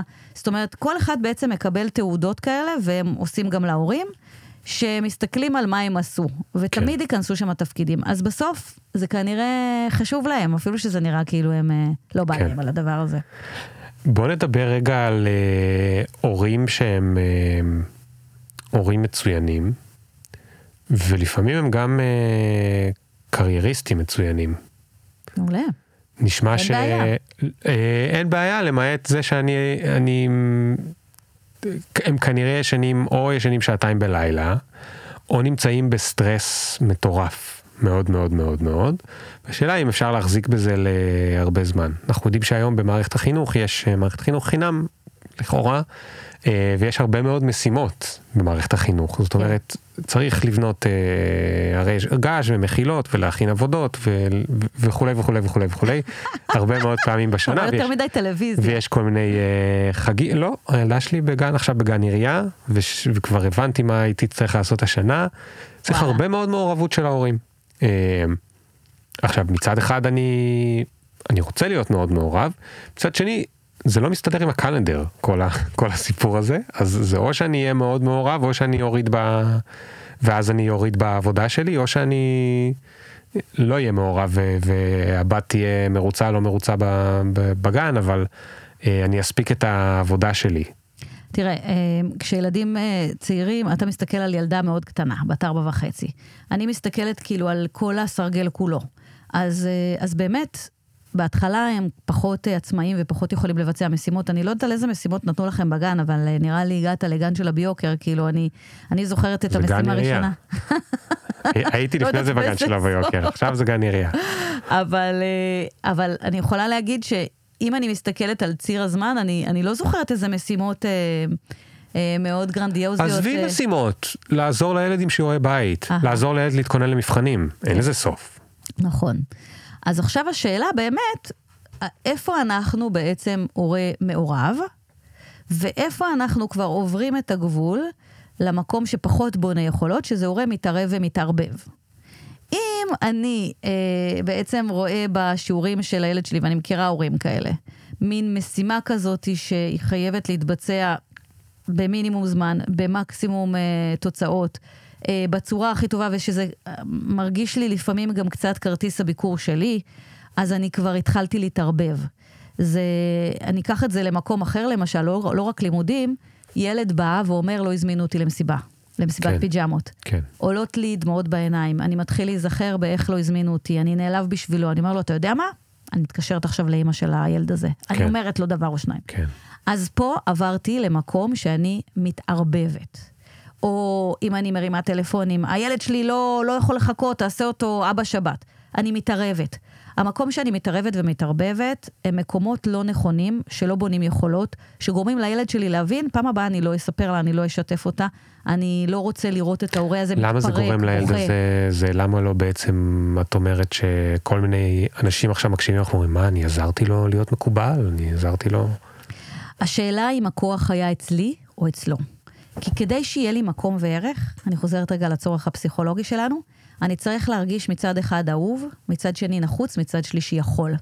והיכול הזה, זה משהו שאני רוצה שהילד שלי ירגיש, שהוא היכול, לא היכול.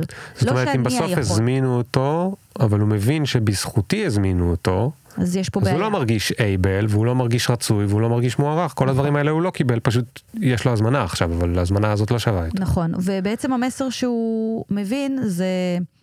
כנראה שבעולם הזה, אה, כשזה ילד קטן, אז הוא תמיד מסתכל על ההורים ואומר, ככה אנשים מתנהגים, ככה העולם. אז הוא אומר, כנראה שבעולם הזה אנשים צריכים אה, להיות מסכנים, להתבכיין, ואז בא, יבוא מישהו ויפתור להם. וזה לא מה שאני רוצה שיהיה. אני רוצה שהילד שלי ירגיש שהכוח הוא אצלו. בגלל זה, אגב, התייעצות, נכון, קודם דיברנו שיתוף התייעצות, בקשת עזרה. מה זה בקשת עזרה? מה זה התייעצות? זה להגיד, אתה יכול, ואתה תבוא ותגיד מה שאתה חושב, כן. ואני יכול להיות שאני אאזין לך, ויש סיכוי שאני גם אלך לפי מה שאתה הצעת. כן. ואם אני צריכה עזרה ממך, אז כנראה שיש לך את הכוחות. אתה צריך להרגיש בעל היכולת. כל מקום שבו אני פותרת ועושה, זה לא המקום שאתה בעל היכולת. עכשיו, ילד בכיתה א' לפעמים צריך, צריך עזרה בשיעורים, נכון? אבל אני חייבת להגיד בכל ש... הכיתות. לא. אז התשובה היא לא. אה, באיזשהו... המטרה של בית ספר, לא, נכון, לא תמיד היא מתבצעת. זה משפט לא טוב להתחיל כן. איתו בפודקאסט הזה. נכון, לגמרי, אבל... המטרה של בית ספר לא ידועה לנו. מחפשים אחריה כבר הרבה שנים. נכון, היא במיוחד נכתבה היום. פעם ומאז יש כן. כל מיני פאצ'ים. אז בגדול, הילד אמור אה, לפתח מיומנות לימודית. כן. אה, במהלך השנים, ולהבין איך הוא לומד בעצמו ואיך הוא מתכונן, למבחנים בעצמו. יש איזושהי נטייה בשנים האחרונות אה, להעביר את הכדור להורים, בהמון המון מובנים ותחומים, אני רואה את זה. ואני יכולה להגיד, אולי זה לא פופולרי מה שאני אגיד עכשיו, אני אגיד, אני אגיד מה אני אומרת להורים. קודם כל, אני כאימא, יש משהו, אולי אתה, אתה עוד לא מכיר את זה, אבל יש משהו שנקרא משוב. זאת מערכת שמספרת כל הזמן לך מתי הילד שלך קיבל מילה טובה, מתי הילד שלך קיבל מילה רעה, מתי הוא איחר, מתי הוא לא הצליח, מתי הוא כן הצליח, ממש נותנת לך כאילו האח הגדול. אני באמת לא, לא כל כך אוהבת את הרעיון הזה. אני חושבת שזה לא תפקידנו, ולכן אין לי את הסיסמה למערכת הזאת. לפעמים אני משלמת על זה מחיר, אני לא זוכרת בדיוק בזמן להגיש את הצ'קים להשאלת ספרים, או כל מיני כאלה דברים, ואז אני צריכה לעבוד יותר קשה כדי לה, לה, להשיג את, ה, את הזמן. אבל בגדול, אין לי את הסיסמה לדבר הזה, לא היה לי מעולם, אה, וכבר שלושה ילדים אצלי עברו בית ספר, כן. כן. והרביעית עכשיו נכנסה לחטיבה, לתוך המערכת המהוללת הזאת. אז יש איזו נטייה להעביר את הדברים, את האחריות להורים. גם כשהורים באים ומספרים לי על טלפונים שהם מקבלים מבית ספר, הילד לא הכין שיעורים, אתה אומר, הוא צריך להכין שיעורים, אז המורים באים ומספרים מה הילד לא עשה או מה הילד כן עשה בבית ספר. אני אומרת להורים, hold it. קודם כל, ברגע שאתם מקבלים מין מסר כזה, שהעבירו אליכם את הכדור הלוהט, אני רוצה שתדעו דבר אחד, מה שקורה בבית ספר, באחריות בית ספר. זאת אומרת, אם הילד נגיד לא התנהג יפה בבית ספר, אז הבית ספר צריך שיהיה לו כללים של אכיפה. הבעיה היא שיש היום אוזלת יד, ומצפים שההורים הם אלה שיפתרו דברים שקרו בבית ספר. לא יקום ולא יהיה, זה האנפופולר שהבטחתי. אני רוצה להגיד להורים, אתם תיתנו גב למורה, אתם תיתנו גב לבית ספר, שמה שהבית ספר יחליט, זה מה שהוא יחליט וזה מקובל. אם הבית ספר ירצה לעשות בירורים, כי אני לא יודעת מה חומרת המעשה, אנחנו לא עכשיו מתחילים להיכנס לפרטים, אז אנחנו נעשה את הבירורים ביחד עם הילד, כי אתה זוכר שיש פה צוות, כן. נכון? אתה לא כן. היית עולה ל- לדיון עם מנהל בכיר על משהו שעובד שלך עשה, בלי שהעובד יהיה נוכח. כן. אותו דבר. אז זה יהיה ביחד עם הילד, אתם תקפידו על זה, ואתם לא פותרים לבית ספר את הדברים שהוא לא יודע לפתור בעצמו. זה שלו. אותו דבר מבחינת שיעורי בית, מבחינת מבחנים. הילד לא הצליח במבחן, לא עשה שיעורי בית. תגיבו כמו שבחרתם להגיב כבית ספר. התפקיד שלי כהורה זה לא להיות אחראי לא על השיעורי בית שלו ולא על המבחנים שלו ולא על העבודות שלו. התפקיד שלי כהורה זה לוודא שהילד רכש את המיומנויות שיעזרו לו לדבר הזה. אז בכיתה א' אני עוזרת לו יותר, ואני עוזרת לו לרכוש. אם אני מדברת על ילדים עם קשב וריכוז, שאיתם אני עובדת הרבה, אז, אה, אז לפעמים זה נמשך קצת יותר זמן, זאת אומרת, זה לא רק כיתה א', ויש עוד כל מיני אה, התאמות וכאלה שצריכים אה, לעשות אה, בהקשר לדבר הזה, אבל בסופו של יום הילד צריך להגיע למקום שבו הוא לוקח אחריות, ואם הוא לא לקח אותה, יש לדבר הזה תוצאה. אנחנו רק לומדים מתוצאות. אוקיי, ש- אני רגע עוצר פה כי הנושא של הורות ומערכת החינוך מאוד מעניינת אותי, אבל אני מחזיר אותנו רגע. אוקיי, נגיד שהתקשרו מבית ספר להגיד שהוא ככה וככה וככה. התקשרו מבית ספר. אני רואה את השיחה על הטלפון, אני באמצע ישיבה, בעבודה. אולי אני לא רואה את השיחה על הטלפון שלי, הפוך, אבל אולי אני רואה אותה אחרי או אני רואה אותה בזה. ו... או לא משנה, התקשר אליי ילד שלי, בוכה כי משהו קרה, והשעה אחת בצהריים, רחוק מארבע ורחוק משש ורחוק משמונה בערב.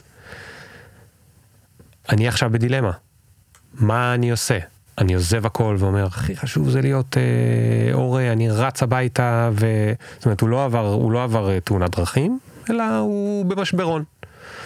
אה, או אני אומר, הקריירה שלי חשובה, ואני צריך להשקיט את זה ולטפל בזה בסוף שבוע. אוקיי, okay, אז זה תלוי באמת במקרה.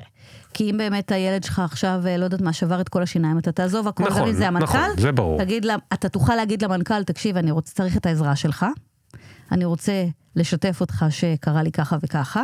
ואגב, אני רוצה להגיד לך שיש לי סיפור אמיתי על הדבר הזה. יש לי חברה שהייתה אמורה לעלות לעשות מצגת לראש עיריית הוד השרון. היא עבדה שמה. שפרויקט שרק היא הייתה אחראית עליו, והיא, היה לה, פתאום שינו את התאריך, וזה נפל על בדיקות רפואיות שהיא הייתה חייבת ללכת. היא הלכה לבוס שלה, היא אמרה לו, אני חייבת לשתף אותך, אני צריכה את העזרה שלך, אני רוצה שנחשוב רגע מה נעשה. הבוס שלה שמע את כל הדבר הזה, קיבל מקום וערך, אמר לה, אל תדאגי עליי, את יוצאת לבדיקות, וזה מה שהצילה את החיים. חד משמעית. אז בדיוק זה מה שהתכוונתי, שאפשר לעבוד לשני הכיוונים. כן. אז אתה תגיד לבוס שלך, אני רוצה לשתף אותך וזה, ואתה תיגש. עכשיו, אם זה ילד שכל יומיים הוא עובד בהתבכיינויות. ובהתקרבנויות. כי בבית, אני לא יודעת מה, אה, בבית ההורים, ברגע שהוא מתחיל אה, להתבכיין, אז מיד באים ומתגייסים, כי הם מעירים על הכיוון הלא נכון. הם לא למדו הורות, סבבה? אז זאת הדרך פעולה שלו. אז ברור שאני לא יכול כל יום שני וחמישי לגשת לבית ספר, כי מחר לא תהיה לי עבודה. כן. אז או שאני אקח את עצמי ואני אלך ללמוד הדרכת הורים, ואני אבין איך עובדים עם ילד כזה, ואיך עוזרים לו לצאת ממקום ממש קשה. שבו הוא חושב שיש לו מקום וערך בעולם הזה רק אם הוא יתבכיין או יתקרבן. ואני רוצה להושיט לו יד ולהגיד לו, בוא ממי, אני אראה לך איך אפשר מקום וערך ככה כמו שאתה. גם אם אתה לא תתאמץ ותעשה כן, את הדבר הזה. כן, אוקיי. מוקש הבא, אני מגדיל אותם ככל שהשיחה מזה. מוקש הבא. עכשיו אני לא גבר, עכשיו אני אישה, כי mm-hmm. גבר לא יכול. וגיליתי שאני בהיריון. מזל טוב. תודה. או לא. תודה. לא, מזל טוב, ילד ראשון, חיכיתי לו הרבה זמן, אני מאוד שמחה, גיליתי שאני בהיריון. אני מאוד שמחה. רק מה? קורים כל מיני דברים כרגע בעבודה, לא חשוב מה, שאילולא הייתי בהיריון, וזה קשור בכל מיני דמויות אחרות, mm-hmm. שנה מעכשיו אני במקום פיצוץ, מקום מדהים, אה, לא פיצוץ רע, פיצוץ טוב, אני כן. במקום מדהים. אבל גיליתי עכשיו שאני בהיריון, חודש, מתי מגלים? חודש ראשון, שני? נכון? מי זוכר? מי זוכר? זה היה כל כך מזמן. מי זוכר, נכון. אה, מגלים יחסית בהתחלה, עוד אין בטן, עוד אין זה, עוד אין שום מחויבות של אף אחד להגיד כלום, ואני עכשיו חושבת על הקריירה שלי, mm-hmm. וזה שאני מבינה שאני בדילמה מוסרית קשה מאוד. אם אני לא מספרת בעבודה, אני יכולה לדפוק אותם. כל התכנונים של כל הפאזל של איך שהדבר יקרה, סתם נגיד הולכים, אה, אה, אני הולכת להיות אה, אה, דירקטור, או הולכים לתת לי את הפרויקט הנורא נורא מסובך עם האמריקאים, איזשהו משהו, כאילו אם אני עכשיו לא אומרת להם, אני דופקת אותם, אוקיי? מצד שני, יש פה פוטנציאלית כל מיני קידומים שאני יכולה לקבל בעבודה שלי, שאם הייתי גבר אז בכלל לא הייתה פה שאלה, אז זה לא פייר. ואני כאילו רק בחודש ראשון להיריון, ואני כבר מבינה שהורות וקריירה הולך להיות מסובך. עוד לא הייתי, עוד לא הייתי הורה, עוד מלא דברים יכולים לקרות חס וחלילה, אבל אני כבר מבינה שהורות וקריירה הולכות להיות אה, מסובכות. יש לך רעיון מה כדאי לעשות? לא, כי זה לא הדרכת הורים. הדרכת הורים זה בשביל מישהו שכבר יש לו ילד, והוא בערך בגיל שנה וחצי ומעלה, ואני יכולה לעבוד עם הילד. אתה מדבר פה על מציאות. במציאות יש אה, משהו שנקרא יולדים, נמצאים בחופשת לידה, יש תינוק, צריך להעניק אותו. אז אני לא יכולה להיות עם האמריקאים. אז אני אבחר מה הדבר ש... רגע, רגע, רגע, את מדברת עכשיו בתור מור היועצת, או את מדברת לא, על, לא, בתור, על האישה? לא, לא, בתור העובדת, כן, העובדת. אוקיי, היא במציאות. יודעת ש... היא עובדת, ש... היא יודעת שבמציאות יש תפקיד מסוים שהיא מאוד מאוד רוצה. כן. התפקיד הזה מתישהו ייעצר, כי היא תצטרך ללדת. כן. זה קורה אחרי תשעה, כן. עשרה חודשים כן. לפעמים. אבל היא גם עוד לא יודעת, היא עוד לא עשתה סקירה ראשונה, היא עוד לא עשתה סקירה שנייה, אולי הילד לא בסדר, אולי תהיה הפלה, אולי... הכל יכול זה... להיות. אבל זה לא, זה לא הדרכת הורים. אין פה, אין פה בעצם, אה, מה זה הדרכת הורים? הדרכת הורים זה לבוא וללמד כלים לתקשורת מקרבת, כאלה, שיעזרו לך להתנהל יותר נכון עם כל מיני אילוצים ועומסים. כן. אבל כשמדובר בתינוק צעיר, קטנצ'יק, בן יומו אה, או בשנת חיים הראשונה שלו, אין פה, הוא לא יודע לעשות מניפולציות, אין פה בעצם אה, כלי תקשורת מקרבת שיעזרו לך לנהל את, את האירוע. יש פה זמן מסוים שאתה צריך להיות דדיקייטד לתינוק הזה. זה או שאתה תיקח אה, מינקת, וכמו מתקופת התנ"ך, ומישהי שתגדל אותו. יש גם כאלה שעושות את זה, ואגב, אין לי עליהם אה, שום אה, דבר ועניין. אם את מישהי תותחית מוכשרת, חדה, בוא, אה, כאילו, והקמת עכשיו את הסטארט-אפ של החיים שלך. אז uh, יכול להיות שזה מה שתבחרי לעשות. אני יכולה להגיד שיש לי איזה לקוחה אחת, שהיא מישהי מאוד בכירה, ובתקופת הקורונה, שהייתה צריכה לעבוד וישיבות וזה, היא לקחה מישהי שהיא כאילו מהגן, שהייתה כאילו אצלהם, והיא הייתה שמה מטפלת בילדים שלה, ונמצאת איתם, היא לא הפקירה אותם. מצד שני אמרה להם, חבר'ה, אני עובדת. כן. היא המשיכה לעבוד עד הערב, היא פשוט שמה כסף על הדבר הזה, ומדי פעם הסתכלה מתי, מה אמרו, מתי אפשר לאכול ביחד או כאלה. כן. אז אתה מדבר פה על דילמה מטורפת, שיש בעיקר בעיקר לנשים, כי הן אלה שיולדות. בפעם האחרונה שבדקתי. כן. ו... והם אלה שבשנת חיים הראשונה יהיו יותר עם התינוק. ויש כאלה גם שאחרי אה, שלושה חודשים אה, הם חוזרות חזרה לעבודה. אז יש כאלה שמבחינתם אה, שלושה חודשים והכל ימשיך כרגיל. זה בסוף שאלה של מה הדבר שלך חשוב. עכשיו, זה יכול לקרות בכל מיני קונסטלציות. זה כמו שאני אומרת לזוגות שבאים אליי, אגב, שאין לי מטרה להשאיר אותם דווקא ביחד. המטרה שלי זה שיהיה להם טוב, ויש כל מיני קונסטלציות של זוגיות ושל משפחה. כן. משפחה יכולה להיות בשני בתים נפרדים, משפחה יכולה להיות באותו בית, משפחה יכולה להיות עם שני אבות, עם שתי אמהות, עם כל מיני צורות, וזה עדיין יהיה משפחה נחמדה ושמחה וטובה. כן. אז גם אותה בחורה שהצגת את הדילמה פה, היא יכולה להחליט שמתאים לה להמשיך לפתח את הקריירה שלה, והיא רוצה כן ללדת את הילד הזה, והיא תמצא לזה את הקונסטלציה. תהיה, תצטרך להיות מספיק אחראית, אבל אין פה שום עניין של הדרכת הורים, כי, כי זה לא באמת שהיא יכולה לעשות משהו אה, כדי לנהל את הסיטואציה אחרת. אה, אוקיי, אז אני אקח אותך ל... אה, הילדים בני 12 או 13, נכנסו תאומים, נכנסו לכיתה ז', עברו מבית ספר יסודי לבית ספר חדש. הסתגלות מאוד ארוכה. עברו חודשיים, בקושי יש להם אה, חברים, חודש שלישי רביעי, זהו, סוף סוף רואים את האור, יש להם כבר קצת חברים חדשים, וזה, הם תאומים אפילו לא באותה כיתה. זאת אומרת, יש לך פעמיים כאלה בבית. ועכשיו קיבלת הצעה מהבוסית הגדולה, אנחנו רוצים להעביר אותך למרילנד. בכוונה לא ניו יורק, שלא יהיה סקסי, אוקיי? כן. למ... כאילו אולי מישהו חושב שמרילנד סקסי, אני לא שופט וזה. רוצים להעביר אותך למרילנד, אוקיי? לניו המפשיר, לא יודע, לאיפשהו שהוא לא, לא חלמת אף פעם אה, לעבור דווקא שם, אבל אחלה בונוסים, אחלה זה, אחלה זה. העתיד שלך שם. אבל הילדים שלך הרגע עברו הסתגלות, הרגע עברו בית ספר, הרגע זה, ואת אימא כל כך טובה, ואת רק רוצה להגיד, אני לא יכולה לעשות להם את זה, אני לא יכולה לעשות להם את זה. אז אני אענה לך על זה בסיפור אמיתי. יאללה, הכי טוב. לקוחות שגרו בסיאטל, שניהם עובדים במייקרוסופט, שניהם בכירים. אה, שלוש בנות. אחת, שניהם זה כאילו זוג? זוג, כן. אוקיי. בן ובת.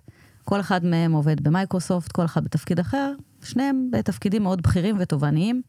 אה, גרו ב- בסיאטל, ושלושה ילדים, שלוש בנות, אחת מתבגרת, בת, אה, אני לא זוכרת בת כמה היא הייתה, נדמה לי 15, אחת בת 13, ועוד ילדה צעירה.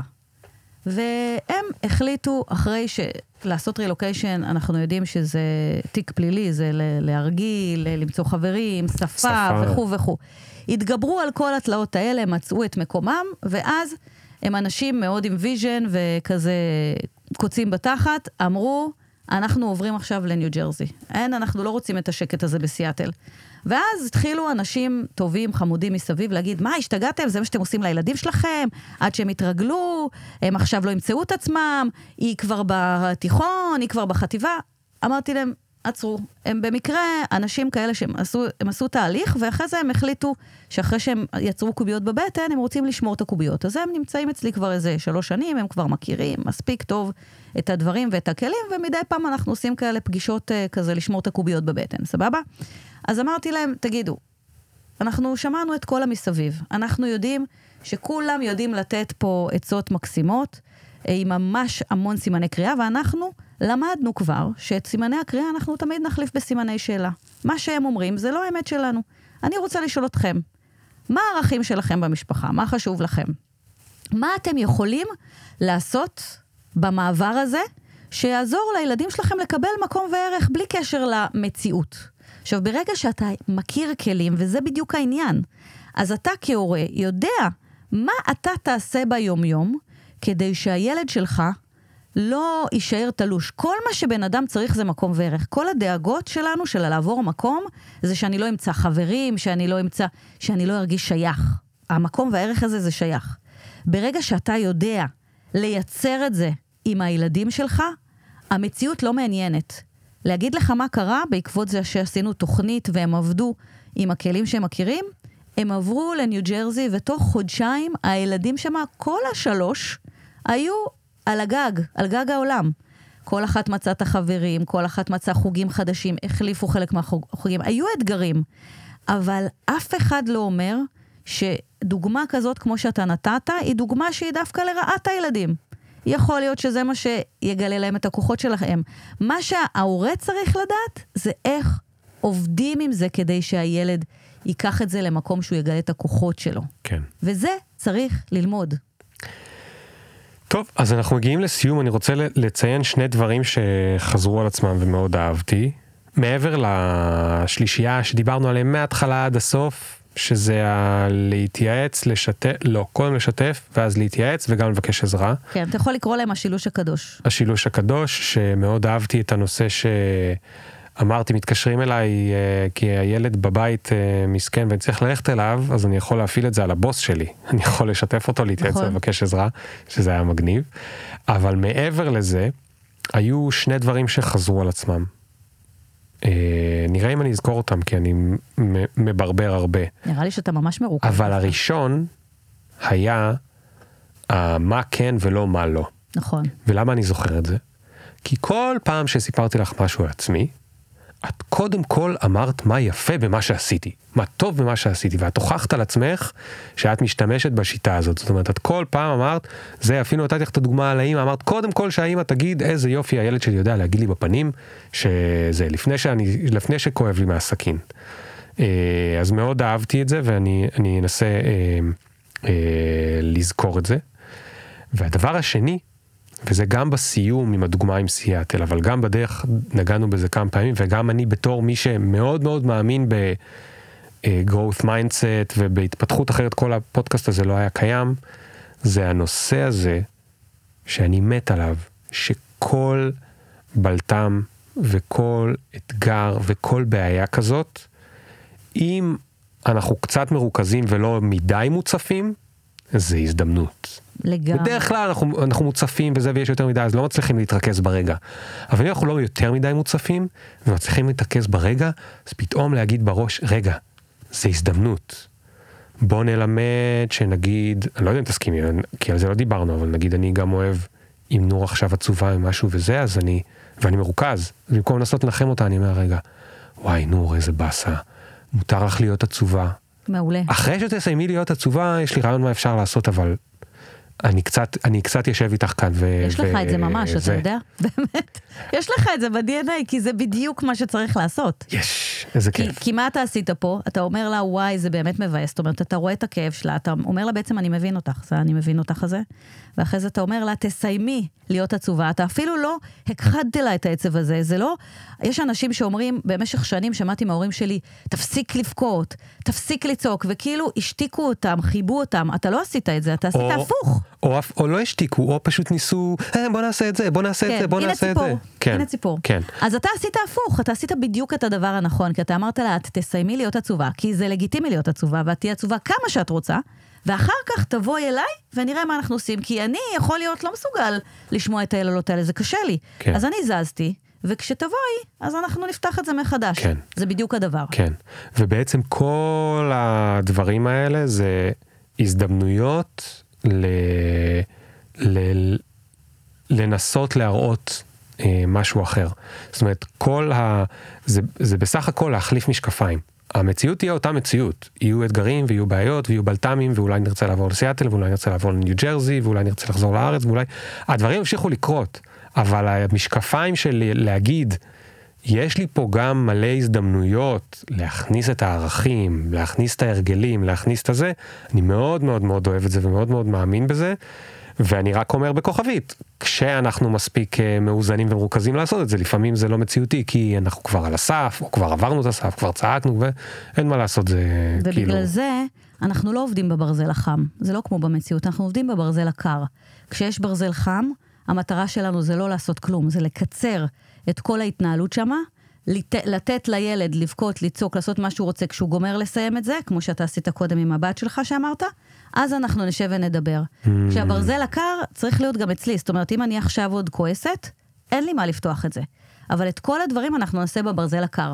כן. אגב, כל מה שדיברת על הזדמנות, תחשוב כמה דברים כאלה יש. זה יכול להיות הילדה הזאת שמתעמרת בילדה שלך. פגשה איזו ילדה קלפטה שעכשיו עושה לה את המוות בגן. הזדמנות. Uh, פעם אני אפילו כתבתי מייל לתפוצת מיילים שלי, שכתבתי להם, uh, הכותרת הייתה אני אימא של מלכת הכיתה, ומה שאמרתי שם זה שאני אימא של מלכת הכיתה, חדשות לא טובות. כי מלכת הכיתה, אין לה שום פגישה עם אתגרים. היא לא חובה אף ילד שהדיר אותה, הדיח אותה, עשה לה פרצופים. אני רוצה שכל מקום כזה שבו יהיו לא נחמדים, לא יצא לך, וזה המקום שתפתח את הבקבוק שמפניה. נכון. כי אתה הורה ואתה יכול עכשיו לאמן אותו לחיים. עדיף לו מאשר הוא יפגוש את זה פעם ראשונה בגיל 30. זה יהיה פחות נעים כן, בינינו. כן, כן. טוב, מור, היה מעניין. אה, בסוף לא סיימנו את הפרק אחרי דקה. נכון. אוי, באסה.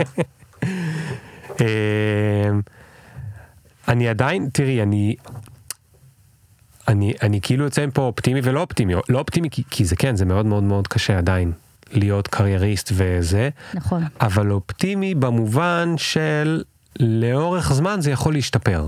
נכון. כאילו אפשר ללמוד את זה. נכון. אפשר, ל... יש הרבה מה ללמוד, יש הרבה דברים שאת אומרת שנשמעים הגיוניים, כדאי כאילו שאני כבר מת לנסות, שזה, זה, זה, זה, זה, אני מאוד מסכים איתך שהורות זה משהו שכדאי ללמוד, כמו כל דבר שאנחנו לומדים. וזהו, אנחנו נשים לינקים לדברים שלך בתיאור הפרק. תודה רבה שבאת ושיתפת מה, מהידע שלך.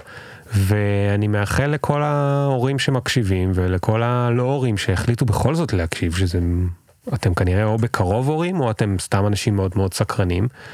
אה, לנסות חלק מהדברים וגם אולי לעקוב אחרייך ובאופן כללי. לנסות את זה בעבודה אפילו. לנסות את זה בעבודה.